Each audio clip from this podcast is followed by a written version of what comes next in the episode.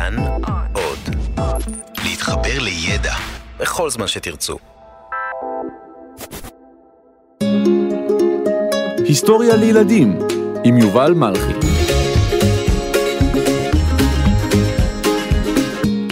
מלחמת העצמאות.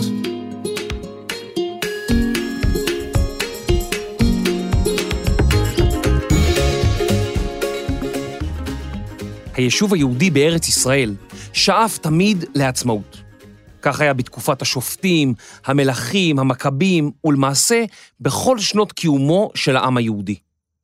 לפני כאלפיים שנה חרב בית המקדש השני. לפני כ-1900 שנה נכשל מרד בר כוכבא ברומאים. עם ישראל יצא לגלות. שנים רבות היו יהודים מפוזרים בארצות נכר, נתונים לשליטתם של שלטונות זרים ומשתדלים לשמר את זהותם היהודית. לפני כ-150 שנה החלו יהודים לדון באפשרות להקים בית לאומי ליהודים, כאן, בארץ ישראל. באותם הימים שלט בארץ השלטון העות'מאני, כלומר שלטון טורקי. באותם ימים הרעיון הזה נשמע כמו פנטזיה משוגעת ובלתי אפשרית. אבל אז החלו פרעות ביהודי מזרח אירופה. פוגרומים, תקיפות של יהודים בידי לא יהודים, ויהודים רבים חיפשו מקום מפלט. בשנת 1882 בערך, עוד ועוד יהודים עלו ארצה. ולאחר שתי מלחמות עולם, ואחרי הרצחם של שישה מיליון יהודים בשואה, נוצרו תנאים להקמת מדינה. בשנת 1948 קמה המדינה, אך היה חשש כי לא תשרוד יותר מכמה ימים. תושבי המדינה הוותיקים יחסית, ועימם העולים שעלו אליה רק עכשיו, ידעו כי גורל המדינה היה בידיהם, והם יצאו להילחם על חיי המדינה, במלחמת העצמאות. מה פתאום? כבר הכרזנו על עצמאות. רצינו לשחרר את הארץ. זאת מלחמת השחרור. מה פתאום? הפכנו לאומה, התרוממנו, הקמנו את ארץ היהודים מחדש. זאת מלחמת הקוממיות. מה כל השמות האלה? מה אתם מדברים בכלל? המלחמה התרחשה ב-1948, וצריכה להיקרא מלחמת 48. 48 היא שנה לועזית. יש לקרוא לה לפי השנה העברית שבה התרחשה. מלחמת תש"ח. אתם מבינים? כל אחד והשם שלו. אז פשוט נקרא לה מלחמת העצמאות, וזהו. מה מלחמת העצמאות? מה פתאום מלחמת העצמאות? על מה אתה מדבר? איזה שטויות, זה שם לא טוב. משחר ההיסטוריה, עמים רבים כבשו את ארץ ישראל. האשורים, הבבלים, היוונים, הרומאים, הערבים, הצלבנים, הממלוכים, העות'מאנים, מי לא היה פה? בסוף המאה ה-19, כלומר, לפני 130 שנה בערך, היישוב היהודי בארץ ישראל החל לפרוח מחדש. אחרי שנים רבות שבהן הארץ הייתה מיושבת בעמים אחרים, החליטו יהודים מכל רחבי העולם לעלות ארצה ולממש את החלום הציוני, להקים בית לאומי לעם היהודי בארץ ישראל. הם לא חלמו לכבוש את ארץ ישראל בכוח הזרוע, מכיוון שלא היה צבא יהודי באותה תקופה. וחוץ מזה, על ארץ ישראל שלטה אז אימפריה ענקית, האימפריה העות'מאנית. לא היה להם סיכוי. היהודים שעלו לארץ לפני מאה שנה ויותר, עסקו בעבודות האדמה, ברכישת קרקעות ובהקמת יישובים חדשים. בינתיים, התנועה הציונית בראשות בנימין זאב הרצל ניסתה להשיג הסכמה בינלאומית לכך שארץ ישראל תימסר לרשות העם היהודי. אך העות'מאנים, הטורקים, לא הסכימו בשום אופן. בינתיים, היישוב היהודי בארץ ישראל הלך וגדל. האוכלוסייה הערבית שישבה בארץ גדלה גם היא, והערבים שהיו הרוב המוחלט בארץ ישראל באותם ימים, החלו לחשוש גם הם. מי ישלוט בארץ ישראל? איזו צורת שלטון תהיה כאן? גם הערבים וגם היהודים, שחיו בשכנות טובה יחסית בעת השלטון העות'מאני, החלו לחשוש אלה מאלה. החששות הללו הביאו לעוינות של הערבים כלפי היישוב היהודי, ואפילו להתפרצויות אלימות. הערבים תקפו יישובים ושכונות יהודיות, והיהודים לא ידעו כיצד להתגונן. יוסף חיים ברנר, מחלוצי הסופרים העבריים, התגורר ביפו. הוא כתב כי הלוואי שידע להשתמש בחרב, כפי שהוא יודע להשתמש בעט. ברנר הבין שיהודים צריכים להגן על עצמם, אך אינם יודעים איך. בשנת 1921 נרצח ברנר בפרעות, כלומר, תקיפה אלימה של ערבים את היהודים ביפו. בעקבות הפרעות הבין היישוב היהודי כי עליו ללמוד להגן על עצמו, ועד מהרה קם ארגון ההגנה. ככל שהיישוב היהודי גדל, ארגון ההגנה הרחיב את פעילותו. במקביל, התנועה הציונית הגבירה את מאמצי השכנוע בקרב הקהילה הבינלאומית, שתסכים להקמת מדינה ליהודים בארץ ישראל.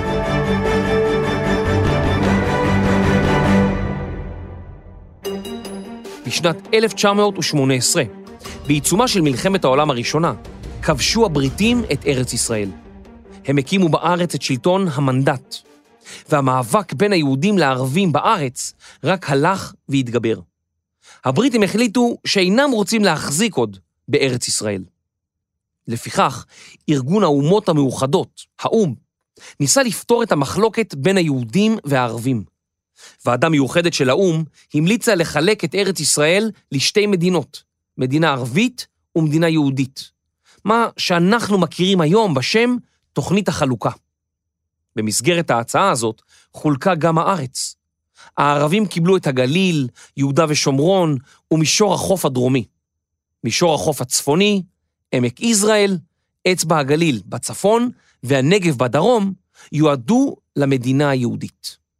העיר ירושלים, העיר הקדושה לשלוש הדתות, זכתה במסגרת תוכנית החלוקה למעמד מיוחד, ויועדה להיות בשליטה בינלאומית, כלומר, אף לא אחת מהמדינות תשלוט בה, לא היהודית ולא הערבית. ב-29, או לפי הספירה העברית, כ"ט בנובמבר 1947, הובאה תוכנית החלוקה להצבעה באו"ם. מקלטי הרדיו בכל רחבי ארץ ישראל היו פתוחים כדי לשמוע את שידור ההצבעה הגורלית. לאחר דקות מורטות עצבים, 33 מדינות תמכו בתוכנית לחלק את הארץ למדינה יהודית ומדינה ערבית. 13 התנגדו, ועשר מדינות נמנעו. כלומר, לא הצביעו בכלל. למעשה, בכ"ט בנובמבר התקבלה ההחלטה של מדינות העולם לאשר הקמת מדינה יהודית בארץ ישראל.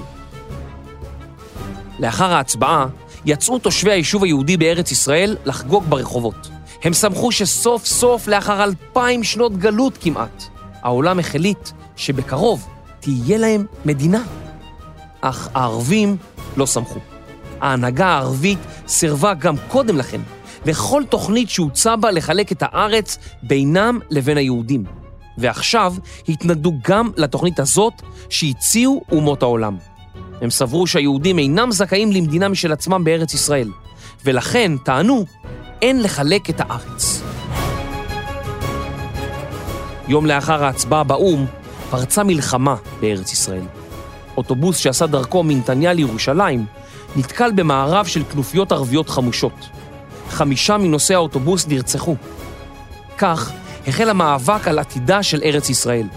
מלחמה בין יהודים וערבים על דמותה של הארץ, עם סיום השלטון הבריטי. הדור הצעיר ביישוב היהודי נאלץ להפסיק את שגרת חייו ולצאת למלחמה. היו שהפסיקו את לימודיהם כדי להתגייס לארגון ההגנה, ובייחוד ליחידת העילית שלו, הפלמ"ח, ראשי תיבות של פלוגות מחץ. לארגון ההגנה היו יותר מ-40 אלף חברים. אחרים התגייסו לארגונים אצ"ל ולח"י, שהיו קטנים יותר. היו במתגייסים גם אנשים בעלי הכשרה צבאית, שהתנדבו לשרת בצבא הבריטי בזמן מלחמת העולם השנייה.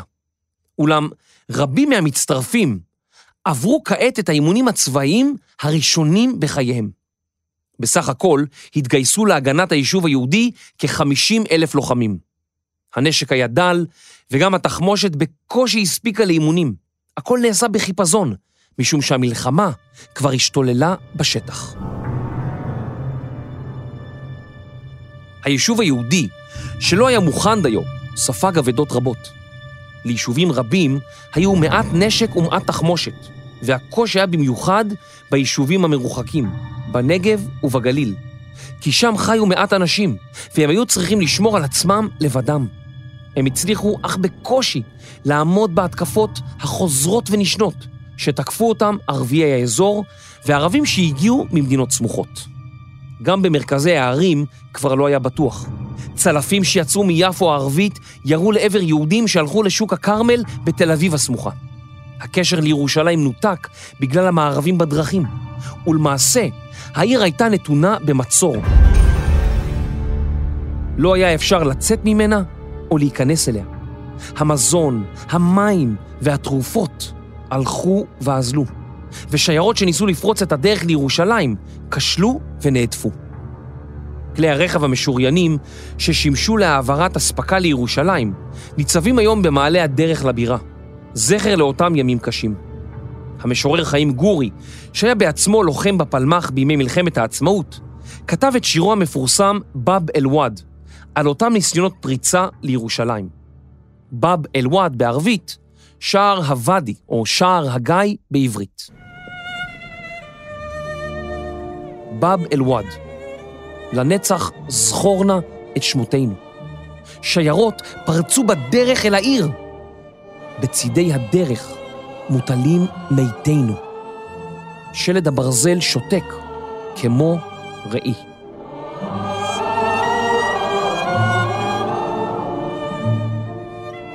גם בחיפה, שסימנה את האפשרות לדו-קיום בין יהודים וערבים, פרצו אירועים אלימים, ואנשים שהיו שכנים וחברים יצאו למלחמה אלה באלה.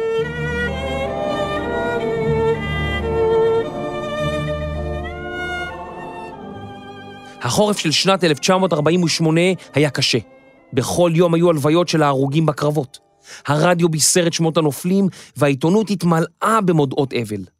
בתוך ארבעה חודשים היו יותר מאלף הרוגים בצד היהודי. בחודש מרס 1948 החל ארגון ההגנה להוציא לפועל את תוכנית ד', תוכנית צבאית שבמסגרתה עבר היישוב היהודי ממגננה להתקפה. באותם ימים נשלחו סוכני ההגנה לאירופה לרכוש נשק ותחמושת. רוב הרכישות היו סודיות, וספינות עמוסות רובים, כדורים ותותחים עשו דרכן לארץ ישראל.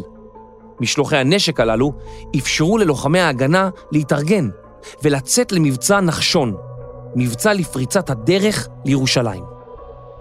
המבצע נשא את שמו של נחשון בן עמינדב, שנזכר בסיפור יציאת מצרים כראשון שנכנס לים סוף וחצה אותו. כמוהו, גם מבצע נחשון היה למעשה החלוץ לפני המחנה. בעקבותיו באו מבצעים רבים נוספים, שקצרו הישגים צבאיים גדולים לארגון ההגנה. סוף סוף נפתחה דרך לירושלים. בצפון, הלוחמים היהודים הדפו את הכוחות הערבים שאיימו על עמק יזרעאל. הם הצליחו להשתלט גם אל הערים טבריה, חיפה וצפת, וכמעט כל הגליל היה בידיהם. גם את יפו כבשו הכוחות היהודים, הפעם כוחות שיצאו מתל אביב. בשישה שבועות של לחימה עיקשת, החזיר לעצמו היישוב היהודי את כושר עמידתו. ראש הסוכנות היהודית, דוד בן גוריון, שהיה מעין ראש הממשלה של היישוב היהודי, הוכיח שארגון ההגנה יכול להתמודד בהצלחה עם הלוחמים הערבים בתוך שטחי ארץ ישראל. אך האם יוכלו הלוחמים היהודים לעמוד בפלישה של מדינות ערב? למדינות האלה היו צבאות של עשרות אלפי לוחמים, מאות תותחים ועשרות טנקים ומטוסים.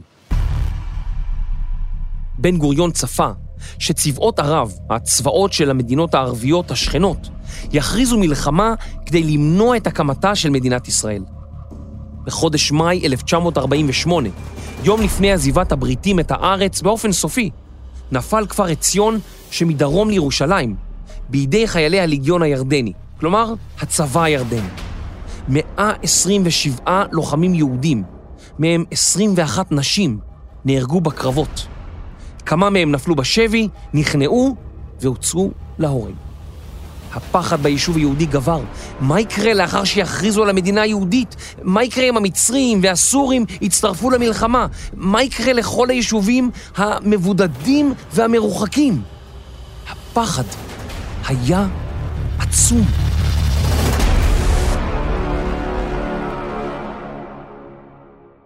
בינתיים קיבלה הנהגת היישוב היהודי מסרים מהממשל האמריקני.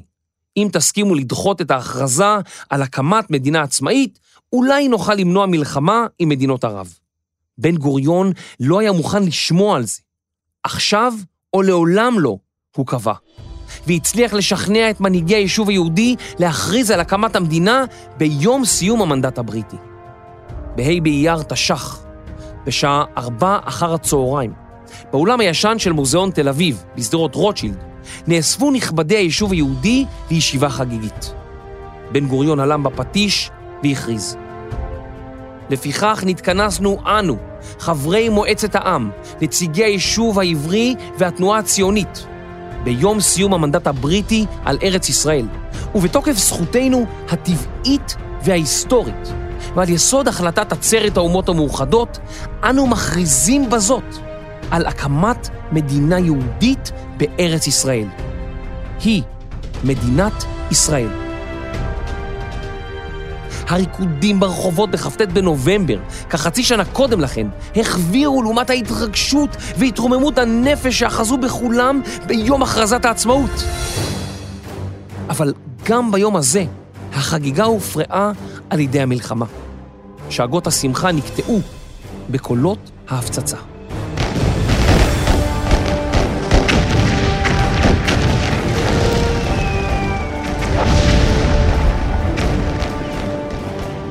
שעות אחדות לאחר הכרזת העצמאות, התעוררו תושבי תל אביב למשמע קולות נפץ אדירים. מטוסים מצריים הפציצו את העיר. הפלישה החלה. טורי שריון וחיילים מצריים נעו ממצרים לדרום הארץ. כוחות סורים התקדמו מסוריה לצפון הארץ. כוחות עיראקים התקדמו בשומרון, ומהמזרח הגיע הליגיון הירדני שהפגיז את ירושלים. מגיני הרובע היהודי בעיר העתיקה נאלצו להיכנע, ומאות מהם נלקחו בשבי הירדני. יישובים מרוחקים עמדו ימים ארוכים בקרבות קשים, ולבסוף נכבשו. היה חשש אמיתי שהיישוב היהודי לא ישרוד בקרבות יותר משבוע ימים. מדינת ישראל, שרק קמה, ניצבה על פי תהום.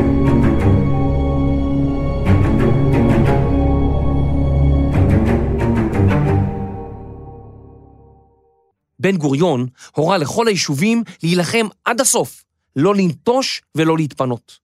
הוא ידע כי בקרוב יגיע נשק שנרכש באירופה, ויגיעו עולים חדשים שאפשר יהיה לשלוח לשדה הקרב כדי לתגבר את הכוחות.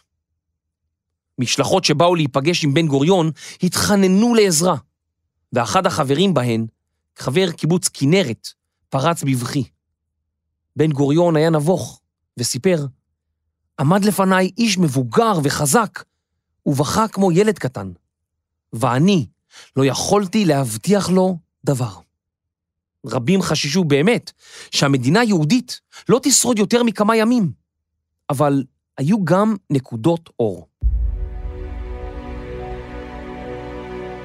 במשך שנות המנדט הגבילו הבריטים את העלייה של יהודים לארץ ישראל. אך עם הכרזת העצמאות נפתחו השערים. אוניות מלאות עולים הגיעו למדינת ישראל, ורבים מהעולים גויסו ללחימה מיד עם הגעתם לחוף. ספינות עמוסות נשק עגנו גם הן לחופי הארץ, ונוצרה תקווה שאולי, אולי, היישוב היהודי יצליח להחזיק מעמד.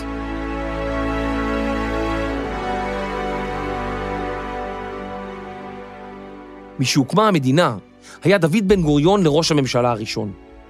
הוא גם היה שר הביטחון הראשון, ומתוקף תפקידו זה קבע את כל מהלכי המלחמה. הוא בחר את המפקדים, חילק להם הוראות, ואפילו עמד בקשר עם הכוחות הלוחמים בשטח. כמה ימים לאחר קום המדינה, חתם בן גוריון על הפקודה להקמת צבא ההגנה לישראל, צה"ל, ובזה הפך ארגון ההגנה לצבא סדיר. לצה"ל הצטרפו אז גם אלפי לוחמי אצ"ל ולח"י, ארגונים שלחמו גם הם בבריטים ובערבים טרם קום המדינה. בסוף חודש מאי 1948, בחודש אייר תש"ח, היה צבא ההגנה לישראל לעובדה, ועתה הוטל עליו להבטיח את קיומה של המדינה הצעירה. בתחילת הפלישה של צבאות ערב, לאחר הכרזת המדינה, נראה המצב אבוד. לערבים היו מטוסים וגם אוניות, תותחים וטנקים. חמישה צבאות של מדינות ערביות נגד צבא אחד של מדינה שרק עכשיו קמה. אמנם צה"ל היה בראשית דרכו, אבל נגד כל הסיכויים, הוא הצליח לבלום את הפלישה של צבאות ערב. הלוחמים והתושבים החזיקו מעמד ושרדו יום אחר יום, עד בואם לארץ של מטוסים מצ'כוסלובקיה. מתנדבים זרים שהתנדבו לצה"ל החלו להפציץ שיירות ערביות מהאוויר. המטוסים הפציצו את כוחות ערב בחזית הדרום ובירושלים. בינתיים הגיעו לארץ עוד ועוד כלי נשק, עשרות תותחים ואלפי רובים שפעילי ההגנה רכשו בחו"ל עוד לפני הכרזת המדינה. בעזרת כלי הנשק החדשים, הלוחמים הצליחו לבלום את כוחות האויב ולהדוף אותם לאחור. ב-11 ביוני, כמעט חודש לאחר תחילת הלחימה, הסכימו שני הצדדים, בתיווכו של האו"ם, להפסקת אש, מה שאנחנו מכנים ההפוגה הראשונה. חודש לאחר מכן, בתשעה ביולי, שוב התחדשו הקרבות, והם נמשכו עשרה ימים. צה"ל הצליח להרחיק את כוחות הליגיון הירדני מתל אביב, לכבוש את לוד ואת רמלה, וכן שטחים נרחבים בגליל ולהרחיב את הדרך לירושלים. מפציצים של צה"ל הפציצו את דמשק, בירת סוריה, ואת קהיר, בירת מצרים. לאחר עשרה ימי לחימה, שוב יצאו הצדדים להפסקת אש. ההפוגה השנייה. ההפוגה השנייה נמשכה כמה חודשים, ובמהלכה הגיעו לישראל עשרות אלפי עולים, וגם ספינות עמוסות בנשק. העולים החדשים גויסו ועברו אימונים, וכעת מאזן הכוחות השתנה. בתוך כמה חודשים בלבד היה צה"ל לצבא חזק ואימתני.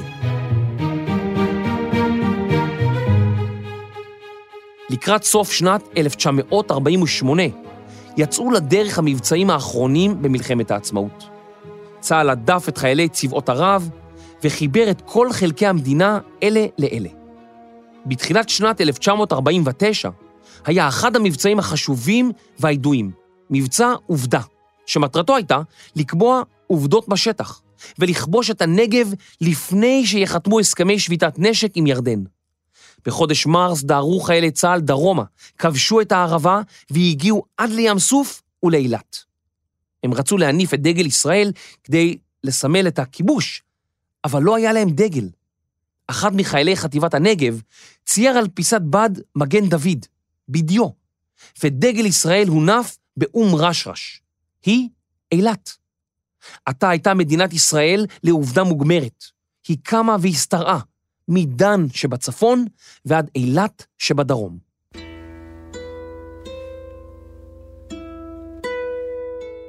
במלחמת העצמאות נפלו ששת אלפים חללים. המשורר נתן אלתרמן כתב על המספר העצום הזה, שזהו מגש הכסף שעליו ניתנה לנו מדינת ישראל. אז תשאל האומה שטופת דמע וקסם. ואמרה, מי אתם? והשניים שוקטים, יענו לה, אנחנו מגש הכסף, שעליו לך ניתנה מדינת היהודים. כך יאמרו ונפלו לרגלה עוטפי צל, והשאר יסופר בתולדות ישראל.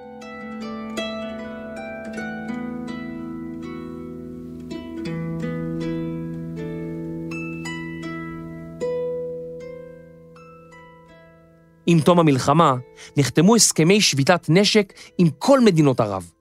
מלחמת העצמאות באה לסיומה הרשמי בחודש יולי 1949. עשרות שנים אחר כך נחתמו גם הסכמי שלום עם מצרים ועם ירדן, ומי יודע, אולי בעתיד, ואולי אפילו בעתיד הקרוב, יחתמו עוד הסכמי שלום עם מדינות מכל רחבי המזרח התיכון.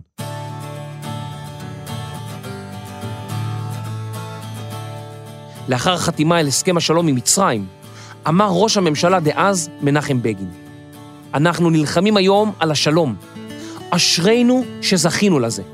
כן, יש קשיים בשלום, יש. יש מכאובים בשלום, יש. יש קורבנות למען השלום, יש. כולם עדיפים מקורבנות המלחמה. בעת החתימה על הסכם השלום עם ירדן בשנת 1994, אמר יצחק רבין, יש לי רק חלומות להוריש לדורות הבאים. עולם טוב יותר, מפויס יותר, עולם שנעים לחיות בו. אין זה הרבה מדי.